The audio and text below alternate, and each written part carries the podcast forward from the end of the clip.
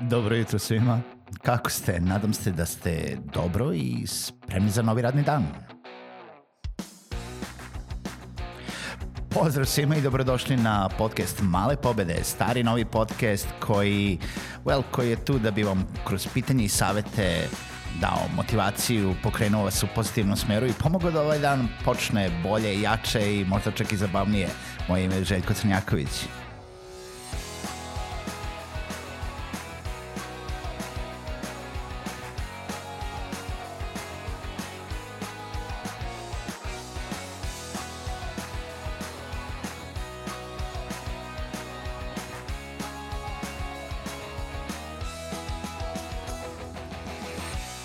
Pozdrav svima, dobro jutro i dobrodošli u još jednu epizodu podcasta Male pobede. Evo nas na kraju nedelje i još jednom želim da se zahvalim svima koji podržavaju ovaj podcast eh, putem Patreon platforme. Ako i vi to želite da uradite, možete to uraditi na patreon.com kroz Male pobede i ostaviti vašu donaciju, prilog ili pretplatu na ovaj sadržaj. Um, Danas želim da pričam nastavku, nastavak neke priče o klijentima i u stvari pitao me neko, pitao me neko još dok sam proizvod, e, proizvodio podcast Backwater Entrepreneur da obradim temu da li treba i da li je prihvatljivo naplatiti depozit od klijenta, u stvari naplatiti jedan deo usluge u napred kada ugovarate projekat. Nebitno da li ste freelancer, agencija, firma, kompanija, šta god to bilo, u zavisnosti od toga šta nudite, naravno da je prihvatljivo. U zavisnosti, opet, veoma specifično od toga šta nudite. Prvo i prvo, ako nudite neki click to buy proizvod, i kad ja kažem click to buy, mislim na uslugu, servis ili proizvod koji kada se klikne na njega i, i u, u istom momentu je isporučen klijentu i vi ne morate da radite nikakvu produkciju, uslugu ili neku dalju saradnju od toga da ste vi to prodali klijentu. U tom momentu klijent plaća tada za tu uslugu ili proizvod i tu nema depozita i nekog naknadnog plaćanja. Kako je njemu nešto isporučeno, tako mu je ujedno i naplaćeno Ovaj, I to je najčistije što može. E sad, za sve one za sve nas koji nemamo sreću da imamo click to buy proizvod koji možemo da prodamo uh, u nekoj uh, skalabilnoj varijanti i eksponencijalnom obliku. Uh, znači, radimo neke usluge. Kada radimo usluge, obično te radimo usluge na tokom određenog perioda, u, u ne znam, videoprodukciji postoji određeno vreme koje je potrebno da se projekat proizvede.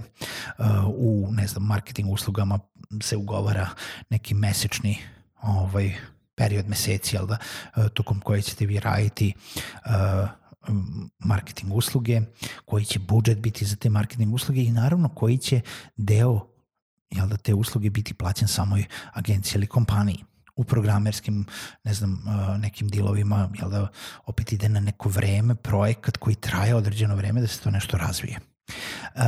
E sad, tokom tih tog projekta, nebitno da li je jednokratan ili uh, ono, na duge staze, nebitno da li ugovarate na sate, na mesece, na, na sam projekat, vi možete uvek da sami sebi, kako rađujete cenu, uslove, tako i modele plaćanja. Uh, ja ću vam reći odmah da u mom mišljenju rada i sa domaćim i sa stranim klijentima uh, ja uvek uzimam depozit.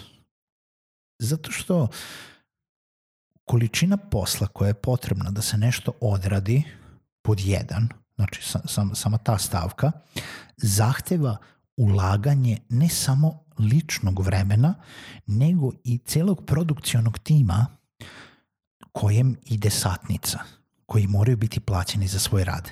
Nebitno koliko dugo traje taj projekat. Znači, pod jedan, vi automatski kada počnete da radite za određenog klijenta, vaši radnici ili vi sami imate određene troškove. I sad, najčešće su to u nekim digitalnim uslovima neki troškovi vremena i rada tih ljudi, a ponekad su i materijalni troškovi izlaska na teren, e, snimanja, možda neke opreme, možda najma nečeg, mislim šta god to bilo. U slučaju kada je projekat duži ili što je skuplji projekat, potrebno je od klijenta uzeti neki depozit. Potrebno je od klijenta, pogotovo ukoliko radite prvi put sa njim. Ukoliko radite neku stalnu saradnju, ok, znamo da će da plati, pa će da plati, možemo da naplatimo kad hoćemo, bit ćemo sigurni da će da plati. Ali uh, u momentu počinjenja posla sasvim je prihvatljivo tražiti i 10, 20, 30 i čak i 50% u nekim slučajevima unapred, kako bi se vi osigurali sa jedne strane da je taj projekat započet, da se niko neće predomisliti, da ste počeli da radite sa više članova vašeg tima i opravdali ste svoje materijalne troškove. Vaš profit će da dođe na kraju od one zadnje uplate. Uh, i ne ulazim sada uopšte formiranje cena, pričali smo već o tome, nego znači uopšte ne ulazim u to da li ćete vi time da pokrijete te vaše troškove pa ćete uh, na kraju uh, dobiti samo profit ili ćete da pokrijete samo početne troškove ili šta god to bilo. Ili ćete samo da imate taj neki pa kaparu na neki način, jel da taj, taj neki simbolični depozit koji će samo klijent naučiti da je eto nešto morao da ostavi, pa makar to bilo 10, 20, 30 ili 100 dolara.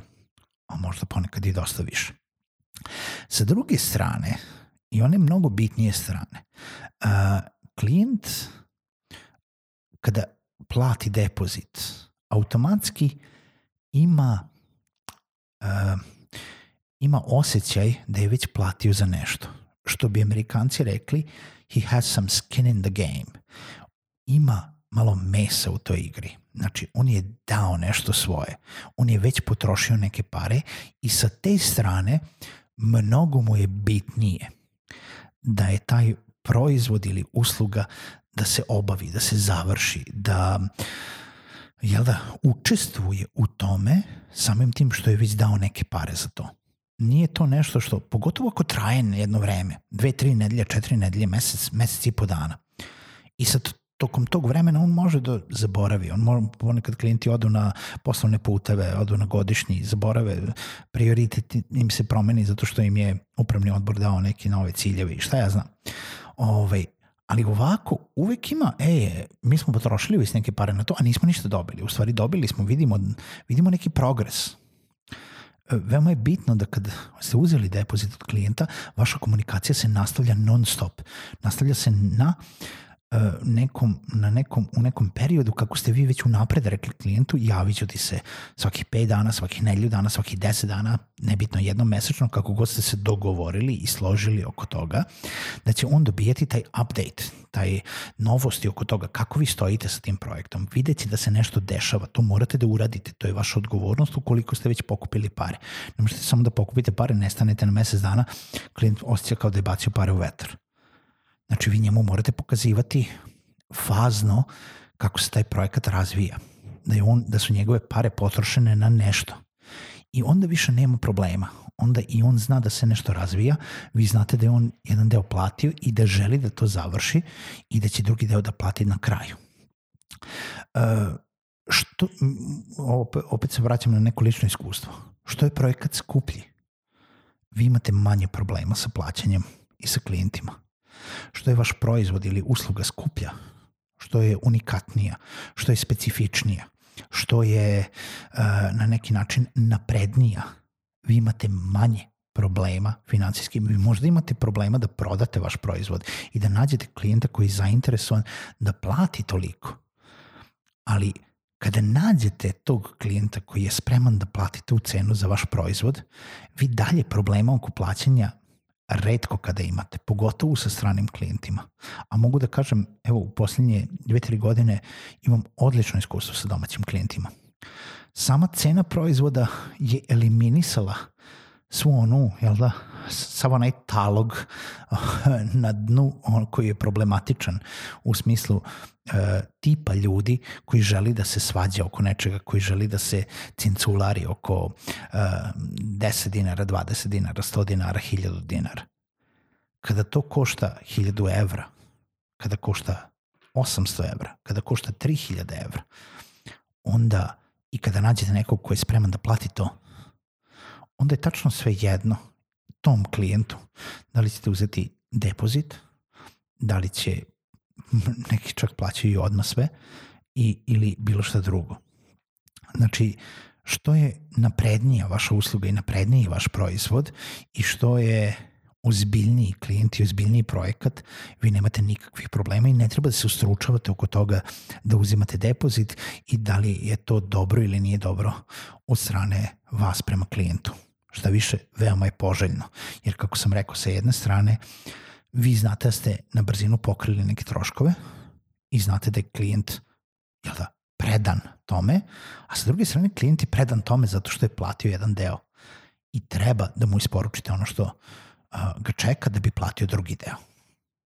Tako da sledeći put kad budete razmišljali o tome, slobodno ovaj, razmišljajte o, o uh, nivelaciji toga da ozbiljno pristupite uh, kako opisu vaše usluge i proizvoda, tako i postavljanju uslova i traženju jel da, prave ovaj, mere, cene koju, koju ćete naplatiti za vašu uslugu ili proizvod. Čujemo se u narednoj epizodi podcasta Male pobede.